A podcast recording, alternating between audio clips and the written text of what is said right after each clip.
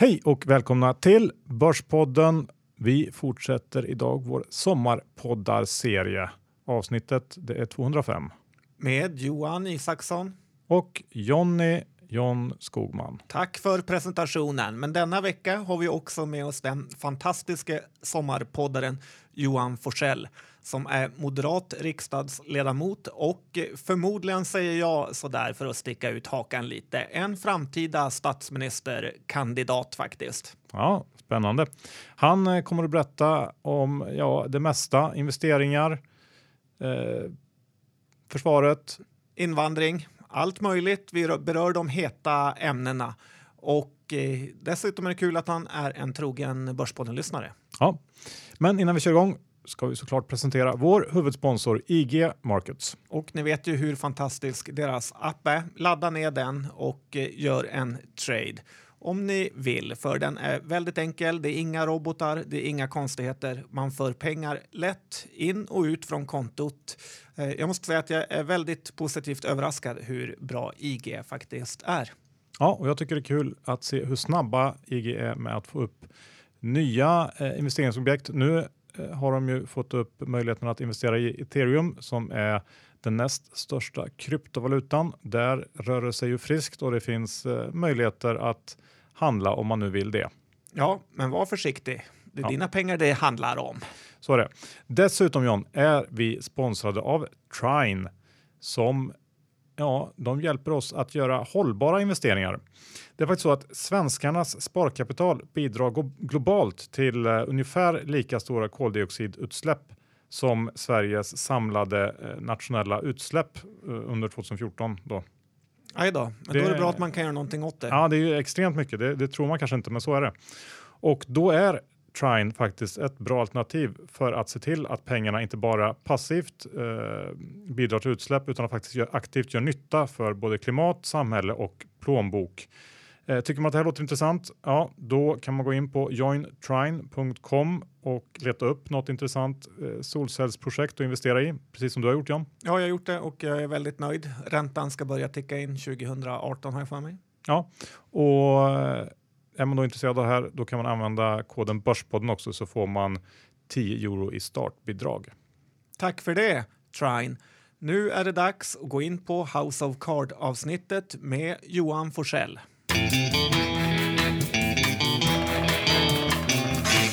Välkommen Johan Forsell, riksdagsman och eh, medlem i finansutskottet. Tack ska du ha. Kul att ha dig här. Eh, brukar du lyssna på Börspodden? Ja, det gör jag faktiskt. Jag tror inte att jag har missat ett enda avsnitt. Det är det senaste som jag har kvar att lyssna på och det kommer ikväll. Ja, men det är väldigt kul att ha dig här då. En politiker som är intresserad av eh, aktier, för det är du väl? Absolut, aktier och eh, ekonomi i största allmänhet. Men vi kan väl börja lite med din eh, bakgrund. Kan du berätta lite om dig själv? Du har varit eh, MUF-ordförande och pluggat på Handels, men berätta. Aldrig problem att få en politiker att berätta om sig själv. eh, men, eh, men i korta ordlag är det så att jag är, jag är född i Stockholm, uppvuxen i eh, Örebro eh, där jag gått i skolan och sen så flyttade jag tillbaka till Stockholm då i slutet på 90-talet och gjorde lumpen lite sådär och sen så eh, började jag plugga här på Handels och läste ekonomi och hade väl egentligen inte så ja, mycket tankar om vad jag skulle göra sen utan ja, lite som det ena gav det andra. Eh, och sen så blev det politik då. Eh, tog examen 04 och blev ordförande i Moderata ungdomsförbundet på hösten samma år så det, det slumpade sig så. Och sen så har jag gjort nu det här i drygt tio år nu då, politik. Vad gjorde du lumpen som? Eh, jag var Norrlandsjägare i Arvidsjaur. Du, en riktig högpresterare med andra ord. Eh, varför blev det ett eh, MUF och Moderaterna?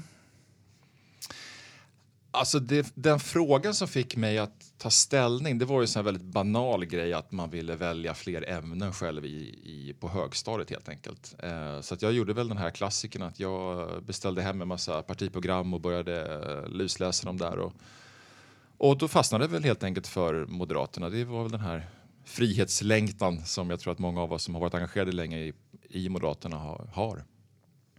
Och sen eh, började du plugga på Handels.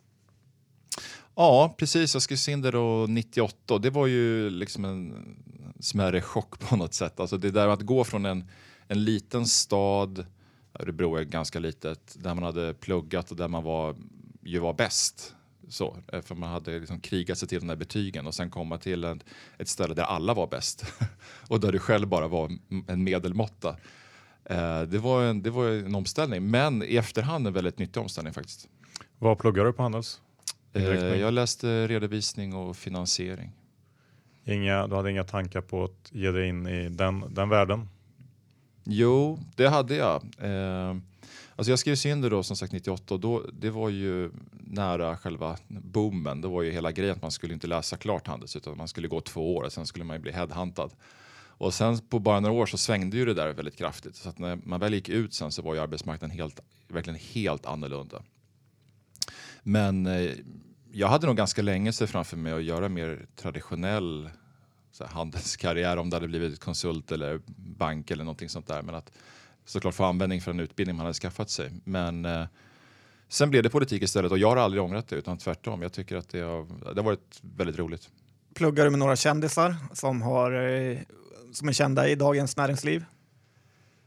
Um, det är ont om direkta kändisar. Ja, vi har ju, om man ska lyfta fram någon då får man väl säga så, eftersom vi alla har väl små barn, kanske kolla på Gladiatorerna, Magdalena Kowalczyk, Athena i Gladiatorerna i Skissin Samor. Okej, okay, så du kom in i en liten svacka där med handelsstudenter. Eh, men med tanke på eh, Känn, kan du inte känna lite sån här eh, bitterhet nu mot eh, andra handelsstudenter som har toppjobb och drar in miljoner?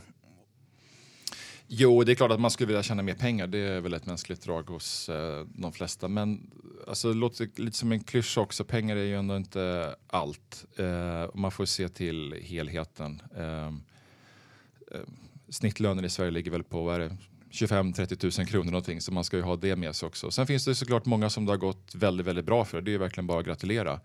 Men jag tror också man ska komma ihåg att de allra flesta som har läst ekonomi eh, är ju välbetalda men är knappast att man har liksom mångmiljonlöner varje år. Det är väl också ett perspektiv Vad tjänar en riksdagsman?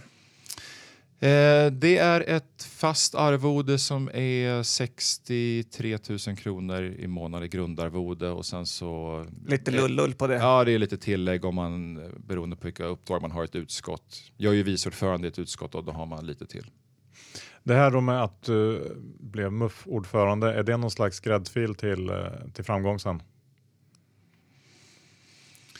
Ja, det är klart, tittar man på hur det har varit historiskt så är det väl så att har man lett ett ungdomsförbund så, så eh, har det väl inneburit att man sen har gått vidare till andra uppdrag. Men jag tror inte att man får det någonting så gratis utan det finns ju personer också som har gjort det några år och sen lagt av lagt handskarna på hyllan. Eh, men det är klart, det skadar väl inte att ha ändå visat att man kan leda en, en organisation med allt vad det innebär med unga människor som är engagerade ideellt för någonting. Det är inte alltid det enklaste. Vad eh, har du själv för framtidsplaner? Eh, ja, jag tänkte vara med och försöka vinna valet eh, nästa år. Det är väl eh, steg 1A. Politik är ju en speciell bransch därför att det är ju en affär var fjärde år eh, och det är då allting avgörs. lite princip. som fotbolls-VM? Ja, men lite så. Ehm, så det blir ju ett väldigt viktigt val helt enkelt. Kul! Johan, ska vi köra lite av våra tio snabba? Ja, men det tycker jag, för att komma in i matchen lite grann. Eh, vi börjar med lite liksom House of Cards-relaterade frågor tycker jag, John. Ja, men det är lite smart. Det här med whisky, det dricker man ju mycket i House of Cards. Eh, dricker ni mycket whisky när ni haft en tuff dag på jobbet? Nej, det är alldeles för lite whisky faktiskt. Eh, det, det, skulle vara innan, innan sommar och julfesten. Då. Men det händer aldrig att ni bara häller upp en där i rummet? Nej, jag tror att det är nog eh, vanligare i House of Cards än i verkligheten. Ja. Det var på Kalle Bildts tid. Mm. Eh, finns det en så kallad whip, inpiskare i svensk eh, politik och eh, vem är det i så fall? Mm, det finns det. Det är till och med så att varje parti har en egen. Det het, har ett annat namn bara, gruppledare heter det. Men han eller hon är ansvarig för att eh, samla ihop rösterna och få gruppen att hålla ihop. Alltså det här är ju, I politik samsas ju väldigt många olika viljor. Det är därför man engagerar sig politi politiskt. Man vill påverka. Och att just eh, ha högt i tak i, på gruppmöten men sen ändå få alla att eh, ja, hyfsat rösta efter partilinjen. Det kräver ju sin uppgift. Så det finns en i varje parti. Och eh, hur många av eh, besluten kommer fram av att man har hållhakar på varandra? Filmer, inspelade material och bilder och sånt. Ja, så gott som 100 procent. Allting faktiskt. Det var det jag tänkte. Ja, jag vet inte om du har lyssnat mycket på Börspodden, då vet du att John har ju, driver ju lite av en egen eh, partilinje Mm. här och eh, om vi går in på några av hans eh, frågor så eh, det här med Systembolaget, vill du behålla det? Nej, jag tror faktiskt att tiden är mogen för att eh, släppa det. Oj, vad du stiger i min aktning. Vill du satsa eller lägga ner järnvägen? Eh, jag skulle gärna satsa på järnvägen, men jag är inte säker på att det, det, den situation vi har idag med SJ är den bästa för att göra det. Och eh, slutligen, vill du privatisera sjukvården? Jag tror på privata initiativ. Eh, jag tror att vi behöver mer av det med tanke på att sjukvård ju är en bristvara. Eh, men jag tror att vi kommer ha en offentlig finansierad sjukvård och många offentliga aktörer under överskådlig tid framöver. Vad springer du milen på? Eh, strax under 47 är svaret och det är helt sanningsenligt. Ja, det är bra. Vad hade du gjort precis nu om du inte hade hållit på med politik? Suttit framför en dataskärm antar jag. Eh, det är väl tillbaka till den där frågan vad, vad, vilken väg man hade tagit i livet efter plugget då helt enkelt och den, det vet jag inte. Och eh, kommer du vara statsminister innan 2025? Eh, ja, vad svarar man på det? Det är väl ingenting man går och funderar på sådär dagligdags. Eh, jag planerar faktiskt mest nu inför, inför valet 2018. Får vi se hur det går. Du lämnar en liten öppning där, kul ändå.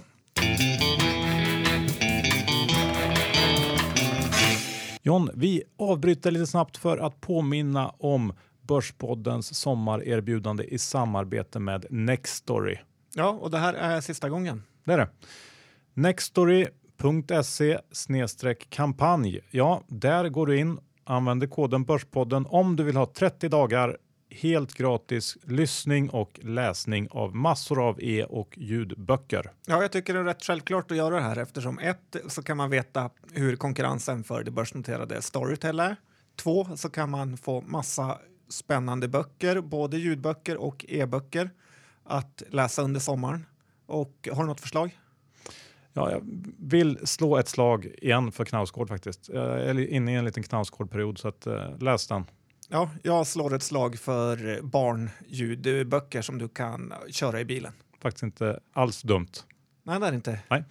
Nextory.se kampanj. Koden du använder det är Börspodden och vips så har du 30 dagar gratis. Kan säga upp när som helst utan att det kostar en krona.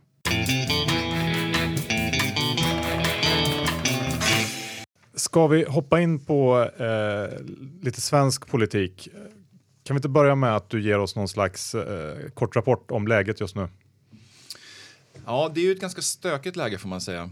Eh, i grund och botten så har vi ju en regering som har ett svagt mandat. Det är ju en minoritetsregering. Det är inget ovanligt i svensk politik, men det är klart att de två regeringspartierna har ett stöd på drygt 30 procent. Då.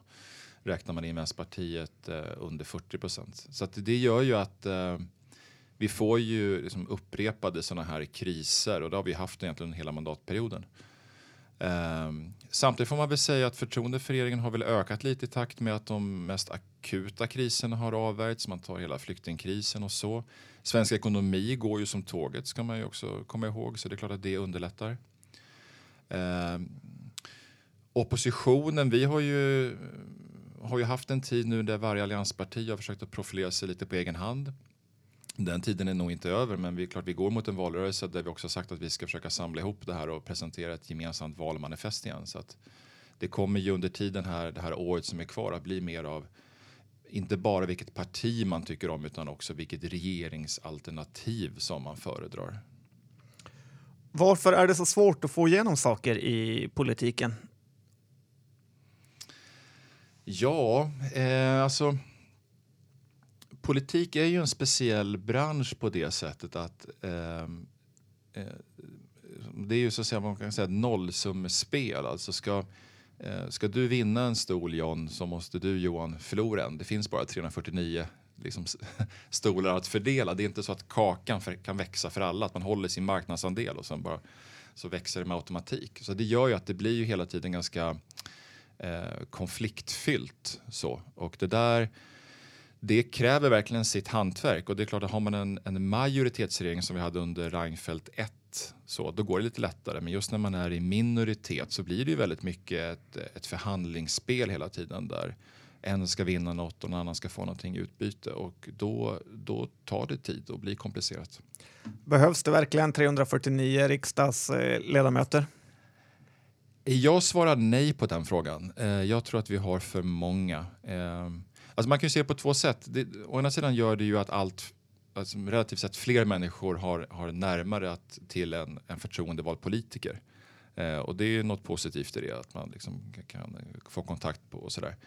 Å andra sidan så gör det ju att, va, att så att säga, det, det enskilda ansvarstagandet blir ju mindre. alltså om, om man kan alltid liksom gömma sig bakom ryggen på någon annan. Så jag tror att skulle man ha låt oss säga hälften så många så eh, tror jag att svensk demokrati faktiskt skulle tjäna på det. Ni har ju tappat en hel del, ert eh, moderata parti. Kinberg Batra är lite i, ifrågasatt. Kommer hon, ja, hur ser hennes framtid ut? Jag tror att eh, framtiden eh, inte ser så mörk ut som man kan tro av, av opinionsmätningarna. Alltså det är ju den här slitna politikerklyschan, men som ju faktiskt stämmer att val avgörs på valdagen. Och eh, till syvende och sist är det ju så att eh, lockar Alliansen över 1% från de rödgröna så blir vi större i nästa, nästa val.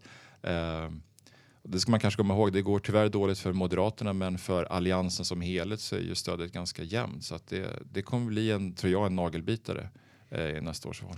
Vad, vad, ska ni som parti då göra för att hämta upp det här tappet? Ja, alltså det, det finns ju många saker att göra. Jag, jag tror i grund och botten att jag tror inte att man ska försöka att liksom spela det för mycket eller framing som man ju säger i USA utan i grund och botten fundera på vad är det stora samhällsproblemet i Sverige och sen presentera vad man vill göra och hur. Alltså det, politik behöver inte vara konstigare än så. Och den stora frågan rent objektivt sett det är ju integrationen. Alltså oavsett vad man tycker om migration, nu har det på kort tid kommit väldigt många människor till Sverige och om vi upprepar decennier av dålig integrationspolitik så kommer det bli väldigt dåligt för oss alla. Så vi måste bryta det och jag tror att vi måste till exempel tala mer om ekonomisk politik, alltså tillbaka till det som la grunden inför 2006 och 2010. Det ska löna sig att jobba, eh, sänkta skatter för vanliga inkomsttagare, stramare bidrag. Det som ju jag tror förenar både mer liberala väljare, konservativa och även eh, vad vi brukar säga för högersossar. Men det är en fråga vi ofta får till oss på Börspodden. Varför är det så extremt höga skatter på arbete i Sverige? Det är mycket fördelaktigare med kapital, eh, vinster och tjäna pengar på pengar än att arbeta. Exakt, Nej, men jag ställer mig själv samma fråga och det, det är djupt problematiskt i ett samhälle där man inte kan förändra sin framtid med eh, eget arbete utan där det blir viktigare om dina föräldrar hade en lägenhet inne i stan eller inte. Eh, och eh, vi är nog nästan redan där. Och då är det, ju, man kan prata mycket om värnskatt och så som ju också är problematiskt. Men det stora problemet i Sverige idag det är ju att inte, det lönar sig inte för människor med eh, vanliga inkomster, eh, med små och medelstora inkomster att gå och arbeta.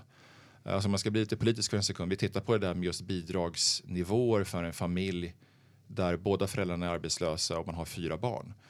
Eh, då, då uppgår varje månad de samlade bidragen man kan få till 30 000 kronor netto.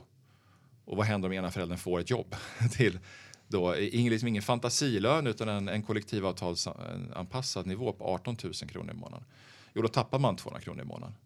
Så att eh, eh, vi pratar mycket om hur de nya jobben ska växa fram och det är jätteviktigt. Men det måste också löna sig att gå och arbeta. Det är, handlar inte bara om ekonomi, det är en väldigt stark värdering i det här landet. Men om du fick vara vad ska jag säga, diktator för en dag, vilka mm. tre saker hade du förändrat eh, snabbt? Eh, jag hade stramat åt bidragssystemen. Jag hade gjort eh, kraftiga skattelättnader på arbete och sen hade jag sett till att eh, alltså rättsstaten fungerar. Eh, en fråga som jag tror kommer bli väldigt viktig i nästa års val, just det här samhällskontraktet Eh, att man faktiskt får valuta för det man har betalat in och jag tycker det är Ja, inte bara här i Stockholm utan runt om i Sverige i ett stort antal tyvärr växande områden där samhällskontraktet faktiskt är i fara. Där det blir, eh, ibland går så långt att man har egna rättssystem. Alltså det är något djupt deprimerande därför det drabbar de människor som redan har det allra svårast. De som inte kan flytta därifrån eller köpa en bostadsrätt. Så att, eh, det handlar inte bara om, att, eh, om skatter utan också att få faktiskt valuta för de pengar man betalar in. Är det det största felet med Sverige skulle du säga just nu? Eller kan du hitta något ännu större fel? Ja, nej, men det finns en, en, massa saker som är fel, men jag tror tar man trygghetsfrågor så är det ganska lite som spelar roll i vardagen hos människor om man inte kan känna sig trygg. Eh, då kan man, man kan gå och svära åt en massa saker, men om du inte vågar vågar eh, gå till jobbet eller om du känner dig osäker för dina barn i skolan, eh, allt det så, så är det väldigt lite som spelar roll. Så att, ja, jag tycker att tryggheten, den växande otryggheten är ett, ett jättestort problem. Om vi vänder på det då, det, det, som funkar riktigt bra, finns det något sånt? Absolut, Nej, men jag, jag älskar Sverige och jag, jag tycker ibland att debatten kanske blir lite sådär dystopisk. Allting är jätteilla eller att allting är fantastiskt. Och sanningen ligger väl egentligen någonstans där mittemellan. Jag gillar USA också, liksom hela den här frihetstänket och sådär. Men jag tycker det finns någonting genuint sympatiskt i ett land där alla människor kan få eh, möjligheter oavsett eh, storleken på föräldrarnas plånbok. Alltså en bra skola, allting det. Att man kan göra livsresor eller klassresor. Eh, det tror jag Sverige har tjänat på. Jag tror också att friheten faktiskt har blivit större tack vare det. Så att, eh, Eh, just den sociala rörligheten tycker jag är viktig att försöka slå, slå vakt om. Låter bra, men varför tror du, om vi ska säga högern i Sverige har varit så svag under ganska, ja, nästan större delen av 1900-talet och även nu?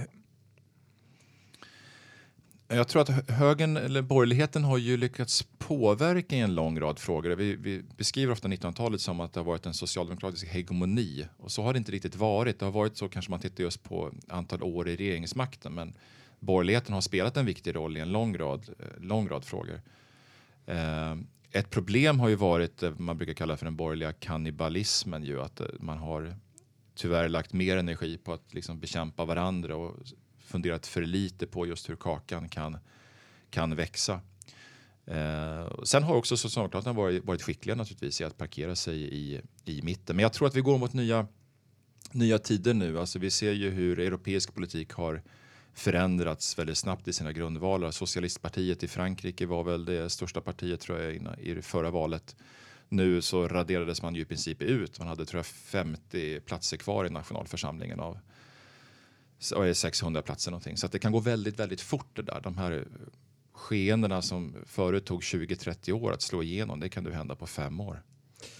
Ja, det hade nog börsen gillat om det gick så i Sverige med. Den här decemberöverenskommelsen som det har pratats eh, mycket om, är det tummen upp eller ner för dig där?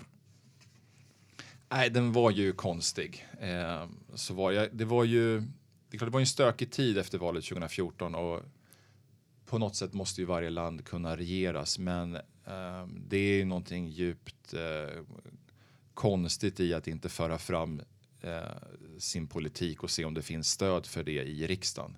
Eh, alltså det, det ligger liksom i sakens natur att man, vill, att man vill förverkliga det man tror på. Och eh, det var väl också förklaringen till att den blev så kortvarig. Så jag tycker det är bra att den är borta. När man hamnar i opposition, är man eh, nöjd då egentligen? Att nu kan man eh, softa i fyra år och eh, sitta på sitt kontor och rulla tummarna. Fötterna på bordet i fyra år ja.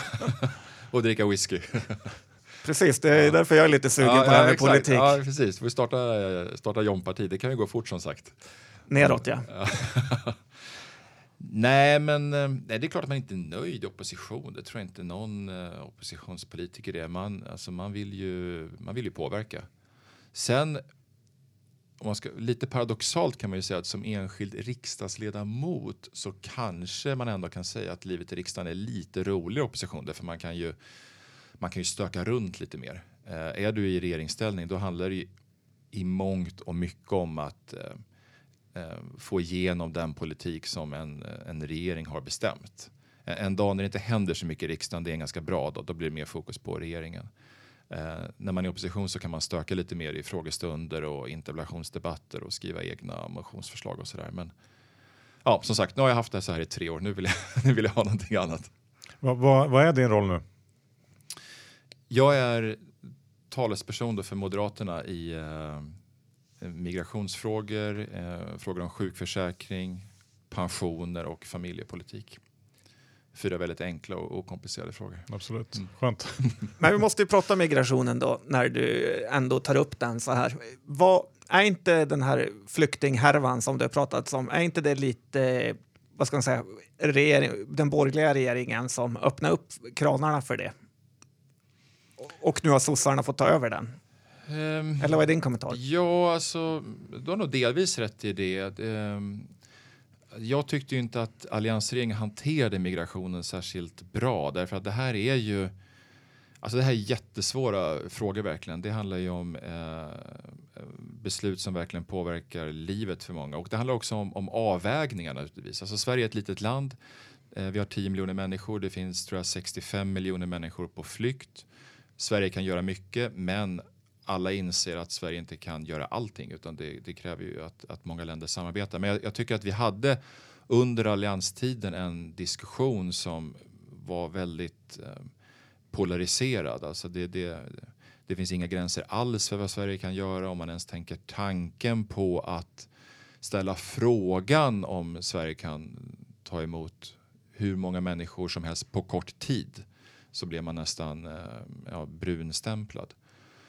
Så det var å ena sidan och sen å andra sidan då de som säger att Sverige alltid tar emot för många människor, att, det liksom, eh, att ingen jäkel ska komma över bron. Och jag har ofta ställt mig den frågan, hur kunde just migrationen, denna svåra fråga som handlar om nyanser och, och, och att verkligen om, om, analys, hur kunde den bli så oerhört polariserad? Var fanns det här liksom trygga mitten alternativet, den tredje vägen som säger att eh, självklart ska Sverige hjälpa men vi måste ha ordning och reda också. Och för det så har såklart eh, alliansregeringen, även Socialdemokraterna får jag säga, ett, väldigt stort ansvar. Ja, men hur är din relation till eh, Sverigedemokraterna just nu? För eh, det känns lite farligt att gå ut eh, och ta en bira med Kent Ekeroth när han är på väg att spåra. Ja, det är nog ingen eh, god idé eh, av flera skäl. Eh, nej, men jag ser väl så här som att Sverigedemokraterna, de, de finns i riksdagen nu, vare sig man eh, vill eller inte jag är ju ingen större vän av deras politik på många sätt. Jag tycker att det är, ja, på många områden så har man för det första ingen politik alls. Alltså, den ekonomiska politiken är ju rätt mycket en, en blind fläck tycker jag. Och det, även om det finns ju en del sverigedemokrater man kan prata med så tycker jag också att det bland många eh, finns rätt obehagliga tongångar faktiskt. Eh, på ett sätt som jag inte, ja jag har väldigt svårt att förlika mig med. Det, det finns liksom en språk, språkbruk och, och en en aggressivitet som jag tycker är ganska skrämmande. Men nu är de i riksdagen och eh, jag tror inte att man kan eh, tänka bort det och jag tycker i grund och botten att man ska samtala med, med alla partier. Men blir du inte lite besviken på svenska folket när 20 procent eh, röstar på dem? Eller de, i alla fall i opinionsmätningarna. Jag blir snarast besviken på oss själva för att jag tror inte att 20 procent av svenska folket egentligen vill rösta på Sverigedemokraterna eller tycker att det är ett fantastiskt parti med underbara företrädare.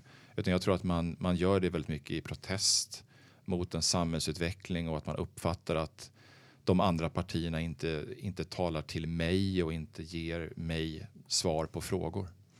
Om vi tittar på andra kanten, Vänsterpartiet, kan eh, du som moderat känna att de nästan måste vara lite dumma i huvudet vad gäller ekonomiska frågor. Att, att de inte förstår hur ekonomi fungerar. Nej, jag, jag, känner inte att de är dumma i huvudet på något sätt. Det, det gör jag inte. Det finns några, kanske en och annan som man har extra svårt för. Men, eh, nej, men vi tycker ju olika. Och jag, jag, tycker i och för sig man ska säga också att det finns ju en hel del eh, ekonomiskt skolade vänsterpartister också eh, som ju ofta är mer på mer på makrosidan då eh, och kommer från det hållet. Eh, men det är ju väldigt sällan som vi och de så att säga, möts rent sakpolitiskt, så är det ju såklart. Om vi går ut lite i världen och tittar på det som har hänt sista åren här med Trump och Brexit eh, och så vidare. Hela den vågen. Hur ser du på, på hela det här som händer? Nej, men det är ju en helt, helt nytt politiskt landskap. Alltså det som jag sa, det som förut tog 20 år att slå igenom, det händer ju nu på eh, fem år eller två år. Och det är väl, eh, Trump är såklart ett exempel på det. Det var väl handen på hjärtat ganska få som faktiskt eh, trodde att han skulle lyckas. Jag, jag trodde ju länge på Marco Rubio eller på Jeb Bush som väl är mer min, min typ av republikaner. Då. Eh, så, och även eh, Macron i, i, Frankrike är väl eh, ett exempel på det. Så att det här, det här tänket att varje parti så att säga, har ett antal säkra väljare och att man utgår ifrån den basen när man går in i en valrörelse. Det tänket är, är ju helt, tror man måste helt lämna. Inget parti har några säkra väljare längre. Det är alltid nu en kamp om varenda röst. Och vad betyder det här för Sverige då? Eh, jag tror det kommer innebära större rörlighet i väljarkåren. Det ser vi redan nu. Det är ju tvära kast. Eh, jag menar, Moderaterna är ett exempel på det. Även eh, Miljöpartiet, även sossarna naturligtvis. Som ju för några år sedan ju skulle säga att de här nivåerna man är nere på nu är katastrofnivåer. Alltså, Socialdemokraterna är ju ett parti som historiskt sett har definierat någonstans under 40 procent som ett katastrofval och nu ligger man mellan 25, 27, 28 kanske en bra dag. Eh, och Sverigedemokraternas framväxt naturligtvis. Så det, det, blir en större rörlighet och jag tror det kommer bli mer av eh, så att säga, valrörelse under hela mandatperioden. Inte det där att eh, politiken går på tomgång i tre år och tio månader och sen är det en valrörelse utan det kommer vara mer av, mer av debatt och, och, och kamp under hela mandatperioden. Brexit då? Vad är din kommentar där? Kommer det bli sämre för Sverige eller bättre? Eh, jag har faktiskt svårt att se något eh, positivt för Sverige med att Storbritannien lämnar. Jag vet inte om jag får arga blickar av det här nu John, men, men, eh, men jag, jag, tycker det är tråkigt att de gör det. Eh, av den anledningen också att Sverige och Storbritannien, vi har ju haft ganska likartad syn på hur EU-samarbetet ska utvecklas. Eh, att komma bort ifrån den här onödiga överstatligheten och att EU ska göra allting och EU-skatt utan just försöka hålla kring de här fyra friheterna som ju var ändå grunden i EU-samarbetet. Och när de lämnar då blir Sverige lite mer ensamma. Men kan man inte hoppas att det blir någon slags eh, vändpunkt för EU? Att det, det ja, går åt det bättre? Ja, kanske är det så. Eller vad, vad är din syn på, på EU och, och euron kanske också? Eh, jag tror ändå att fördelarna med att vara med i, i EU för svensk del överväger nackdelarna måste jag säga. Jag är rätt, alltså det är inga problem att hitta just problem med, med EU-samarbete, saker som inte fungerar bra. Men det är ju som med politik, till syvende och sist måste man också fundera på vad är alternativet. Och, eh, jag jobbade ju med försvarsfrågor i riksdagen förut. Jag är rätt orolig också för vad som händer med ett Europa eh, som har en stor rysk granne på väldigt nära avstånd och som gärna skulle se att eh, man istället för ett EU hade 28 medlemsstater som jobbar helt olika. Därför att det, det gör att mer finns eh, ja, up for grabs så att säga, för Ryssland. Hur, mycket, hur rädd ska man vara för dem? Ryssarna alltså? Eh, ja, det är ju ett revanschistiskt Ryssland som ju eh, Eh, har tusen bättre saker att investera sina pengar i än, eh, än nya vapensystem och kryssningsrobotar och ny generation stridsflygplan. Eh, men man spelar ju eh, stormaktspolitik och man vill ju tillbaka till den tiden och eh, det står väl klart för alla att det är en väldigt skrupelfri rysk regim. Jag tror inte på något eh, större anfallshot mot Sverige får jag säga. Men jag tycker att det är rätt obehagligt naturligtvis att, eh, att vi har en granne som som beter sig på det sättet man gör. Jag vill bara gå tillbaka till, till EU och framförallt euron lite snabbt. För att, hur ser du på, på framtiden där? För det är ju svårt att se någon riktig framtid som euron ser ut idag. Eh, vad, vad, är vägen fram? Eh, hur ska man göra för att, att, fixa till det här? Kommer det bli mer, mer eh, tätare samarbeten med liksom någon slags gemensam Eh, Eh, ja, skattepolitik eller liksom någonting som, som gör att euron på något sätt makes sense mer än vad den gör idag? Men det är väl lite ett vägval nu för Europa. Antingen just ta den här hårdare, mer federalistiska linjen och, eh, som ju till exempel tyskarna förespråkar med eh, e EU-skatt. försöka knyta de, de återstående länderna närmare till varandra eller med det här lite lösare samarbetet. Då. Eh, ja, vilken väg det kommer bli av det. Visste jag det så skulle jag satsa pengar på det, men det gör jag inte. Men, men jag hoppas att vi går tillbaka med, till det som var just eh, ändå grundtanken, fri rörlighet. Och det som, vi brukar ju säga att det, det bästa med EU det är alldeles gratis och det sämsta kan kosta precis hur mycket som helst. Eh, så i det här fallet tror jag att less is more. Men är du för eller emot eh, att Sverige ska ha euron?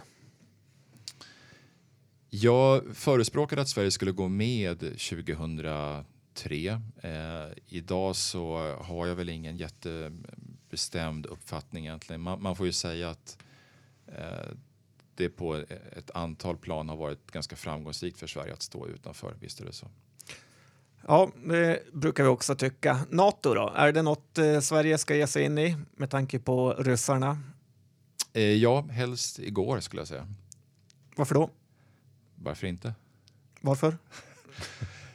Nej, men eh, alltså Sverige är ett litet land. Vi har ju ibland den här självbilden nu, inte minst nu när vi sitter i säkerhetsrådet och så, att vi är en internationell gigant. Men vi är ett litet land som eh, i mångt och mycket har andra länder att tacka för vår, för vår frihet. Eh, och eh, nu när allt fler också länder i, i Centraleuropa väljer att gå med i Nato i ett, ett försvarssamarbete så förstår inte jag varför vi ska låtsas som att vi ska vara neutrala och stå utanför. När vi, när vi ändå är vi är ju helt beroende av vad Nato gör och inte gör. Det är ju helt uppenbart för alla. Bättre att vara med då och kunna påverka, självklart. Vad tycker du om eh, Gripenplanet? Är du nöjd med det? Eh, ja, jag har inte, jag har inte så jag kan inte uttala mig om kvaliteterna så. Men eh, det, är väl ett, det är väl ett bra stridsflygplan givet eh, att eh, utvecklingskostnaderna har ju varit betydligt lägre än om man tittar på de amerikanska motsvarigheterna etc. Får vi se hur det går om de lyckas sälja det till fler länder. Ja, spännande. Eh, Johan, ska vi ge oss in på investeringar? Nu heter ju båda Johan här, så ni vet inte vem jag frågar. Ja, men tycker jag. Det, det, för du har ju ett, ett eh, aktieintresse också.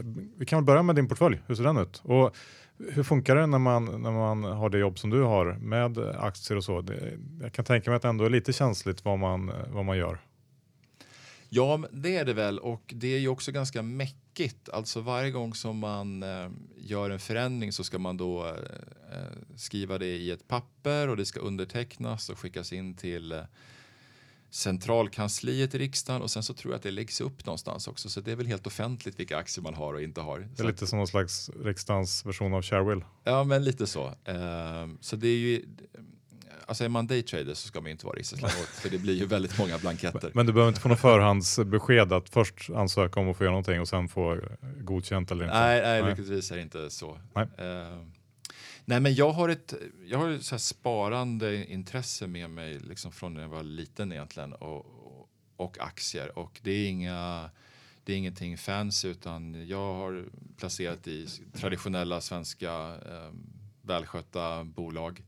Eh, det finns eh, H&M, det finns eh, Telia, det finns Ericsson, det finns SE-banken, den typen av mer traditionella placeringar. Mm. Vad är ditt eh, mest riskabla bett? Ja, vågar man säga H&M?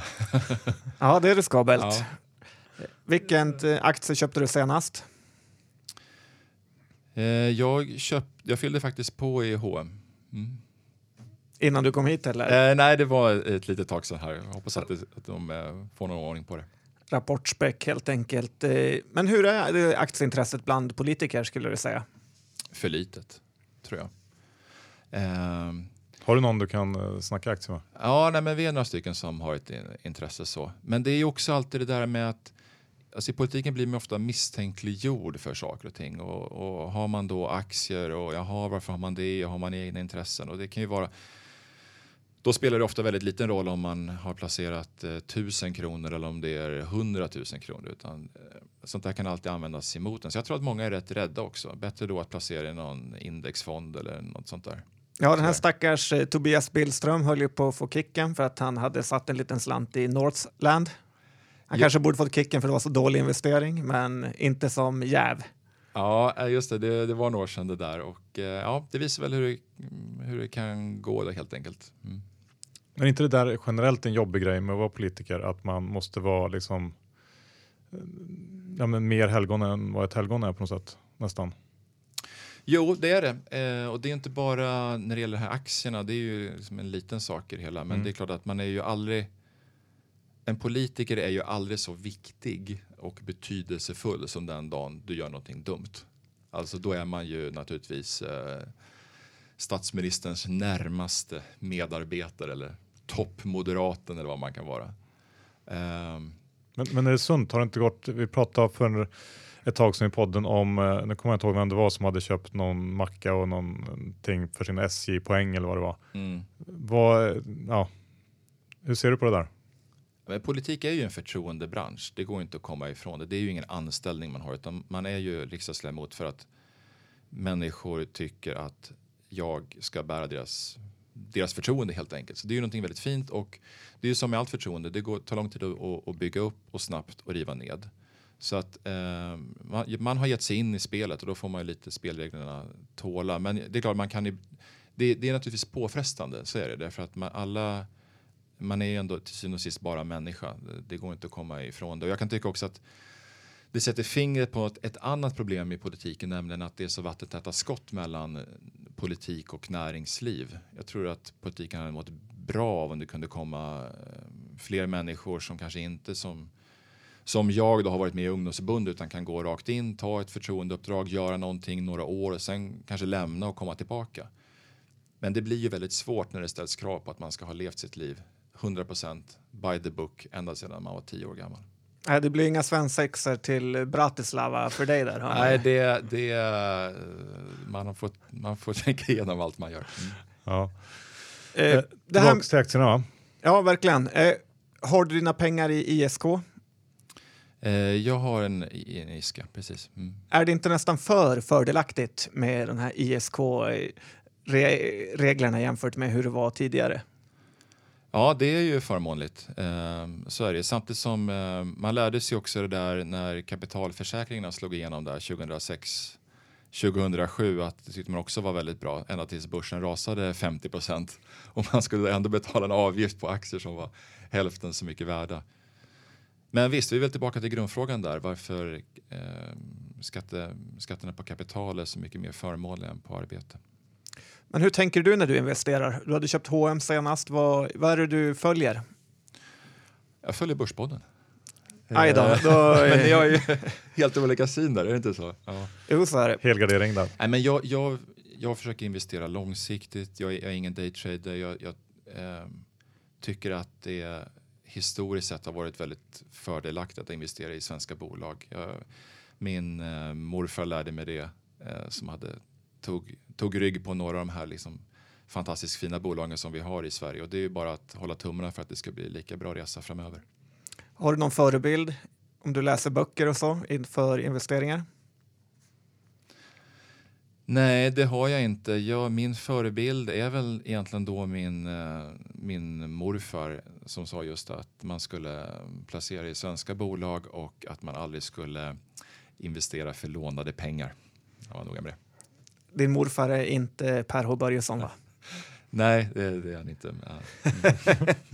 Han är ingen daytrader heller. Men det där, du sa tidigare med att eh, svenska politiker inte har något aktieintresse. Tittar man på amerikanska politi politiker är ju de ofta svinrika och eh, liksom alla har 50-100 miljoner dollar och eh, congressmän och senatorer och allt vad det är. Va- Varför är det så i Sverige att det är så många fattiga politiker?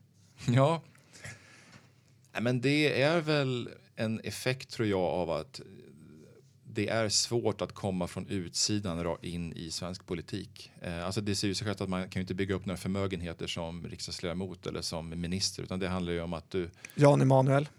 Ja, absolut. Eh, han gjorde ju det då vid sidan av och cashade ju in efteråt där då. Ja, det går att säga mycket om den historien. Men eh, det är svårt att komma in om du har varit framgångsrik i näringslivet. Dels den här granskningen och sen så är det väl lite det som väl i USA är tecken på att du är framgångsrik, att du har byggt upp någonting, att du har mycket pengar, eh, är kanske någonting man i Sverige mer ser på med janteögon. Det är inte alltid säkert att det behöver vara en, någonting positivt för dig att ha väldigt mycket pengar. Nej, vad säger du om eh, svenska statens inblandning i diverse bolag? Vi tittar på SAS, vi, Vattenfall. Som Telia. Det har inte varit så lyckade. Nej, vad är den gemensamma nämnaren? Nej, jag, jag tror ju att eh, man ju skulle försöka avyttra innehaven i de här stora statliga bolagen. Det är ju dels för bolagens egen skull så att säga. Det blir ju en väldigt konserverande kraft att ha, tror jag, ofta staten som ägare. Sen är det väl också en fråga om, eh, ja, för medborgarna. Eh, vill man ha sina skattepengar investerade i de här bolagen eller tycker man att de gör bättre nytta någon annanstans? Vad tycker du Sverige som land bör investera i? Ja, ja alltså det finns ju ingenting som är så lätt som politiker att göra av med pengar. så det, det, finns ju eh, en uppsjö av olika projekt. Men jag skulle nog vilja slå ett slag för de här mer traditionella sakerna. Eh, inte höghastighetståg och sådär utan mer det här med att få skolan att funka. Tryggheten, alltså de här mer hårda klassiska frågorna. Eh, fungerar inte det så kan ju tågen gå hur fort som helst. spelar ändå ingen större roll. Om ingen kan sitta i dem? Ja, exakt. För tågen har ju varit ett ganska stort eh, problem sista tiden. Det är ju oftare att de inte går än att de går. Senast midsommarafton var ju en härva. Ja, absolut. Nej, men det, jag, jag tycker väl att innan man eh, ger sig i kast med de här eh, superheta nya projekten så se till att få den järnväg vi har att fungera. Det, det, känns ju som en lågt hängande frukt. Men du har inga, jag pratar mycket om Sverige ska starta ett rymdprojekt, att eh, kolonisera Mars. Är det något, eh, du har inget lite eh, icke-klassiskt investeringsobjekt? ja, det låter ju som att eh, John-partiet kommer ha en given egen profilfråga. ja, frågan hur mycket den drar. Ja, det ska man inte underskatta. Nej, men vet ni vad, jag tror att Alltså man ska vara lite skeptisk till en massa så här, det kan låta väldigt konservativt här, men massa häftiga idéer i politiken. Alltså det är oftast då det går fel. Det kanske är ett gemensamt drag med näringsliv. Alltså man vill alltid göra någonting nytt eller ni vet en kommun som ska sätta sig själv på kartan och bygga något jättestort badhus eller någon staty eller någonting. Alltså det är för mycket sånt tycker jag i politik och för lite att få de här tråkiga men viktiga sakerna som vi har att faktiskt fungera. Det här med minusräntan då? Hur ser du på det? Ja, eh, som nybliven husägare i Stockholm så ser jag att det finns en del eh, uppenbara fördelar. Men det är klart, det säger ju någonting om eh, det klimat vi lever i och det är ju i grund och botten väldigt osunt tror jag. Och det är klart att det, det skapar ju frågor om vart vi är på väg någonstans egentligen. Och det där märker man kanske inte så av så mycket just nu när det är högkonjunktur och hjulen snurrar på. Men det är klart man kan känna viss oro för vad som händer i nästa lågkonjunktur därför att eh, den kommer. Det har man ju också lärt sig trots allt tal om superkonjunkturer hit och dit och sådär. Och vad, vad ska då finnas för, eh, för ammunition kvar i, i bössan så att säga. Ja, det börjar närma sig slutet på den här intervjun. Eh, du tipsade mig om att titta på det brittiska House of Cards och det har jag gjort nu. Det måste ja, jag säga var väldigt, väldigt bra. Du gillade det? Ja, visst är den bra? Det, du får säga till om du behöver din egen Tim eller Dog eh, Stamper till medhjälpare så är jag available. Ja, men när vi behöver någon som kan ta hand om de våta jobben då ska vi ha det i åtanke John. Avslutningsvis, vi har en hel del uh, unga lyssnare. Har du något tips till de som inte riktigt vet vad de ska göra eller satsa på. Vad, vad tror du kommer att vara bra att kunna i framtiden? Jag eh, skulle väl, ja, dels vilja slå ett slag för att utbilda sig. Det är väl eh, i grund och botten det viktigaste. Jag tror kanske ibland att man, eh, man ska komma ihåg det där, hellre aktivitet än precision. Eh, skaffar man sig en utbildning så brukar det ju ändå ge sig sen, är min erfarenhet, om man är driven. Men jag skulle väl också vilja slå ett slag för att kanske engagera sig politiskt. Att inte bara sitta hemma och eh, knyta näven i, i fickan utan faktiskt eh, göra någonting. Oavsett om man blir eh, moderat eller sosse eller något annat parti. Så att faktiskt ta ett, eh, ett uppdrag därför att det är, det är spännande. Man lär sig faktiskt väldigt mycket både om samhället men också om hur människor fungerar. Och jag tror att det är färdigheter som man har nytta av också i, eh, i näringslivet. Att kunna leda människor på ett sätt utan att kunna liksom, ge dem sparken eller så utan verkligen behöva engagera och entusiasmera människor. Det är en svår konst och det är faktiskt någonting som jag tror att man lär sig bra i politiken. Johan, tack så hemskt mycket för att du var med och pratade med oss i Börspodden. Stort tack för att jag fick komma hit. Tack, tack. Så det John, det var sommarens sista sommarpoddare. Vilket härligt gäng vi haft hos oss. Ja, det tycker jag verkligen. Och kul att få just den här lilla politiska House of Cards-känslan som i alla fall jag gillar. Ja, den är faktiskt härlig. Tack för det Johan. Och tack vår huvudsponsor IG Markets. Jajamän, ni vet, bästa appen, bästa tradesen. Gå ut och gör det en hacka. Och kika gärna in på jointrine.com. Där finns ett alternativ för att se till att dina pengar faktiskt gör nytta för klimat, samhälle och såklart också din egen plånbok. Allt i ett. Ja, bra sagt. Ja, koden Börspodden där också om du eh, vill ha det här startbidraget på 10 euro. Bra John och eh, ja, vad ska vi säga mer än så? Inte mycket. Hoppas ni har en fortsatt trevlig avslutning på den här sommaren. Ja, precis. Så hörs vi om en vecka igen. Tack och hej! Hej hej!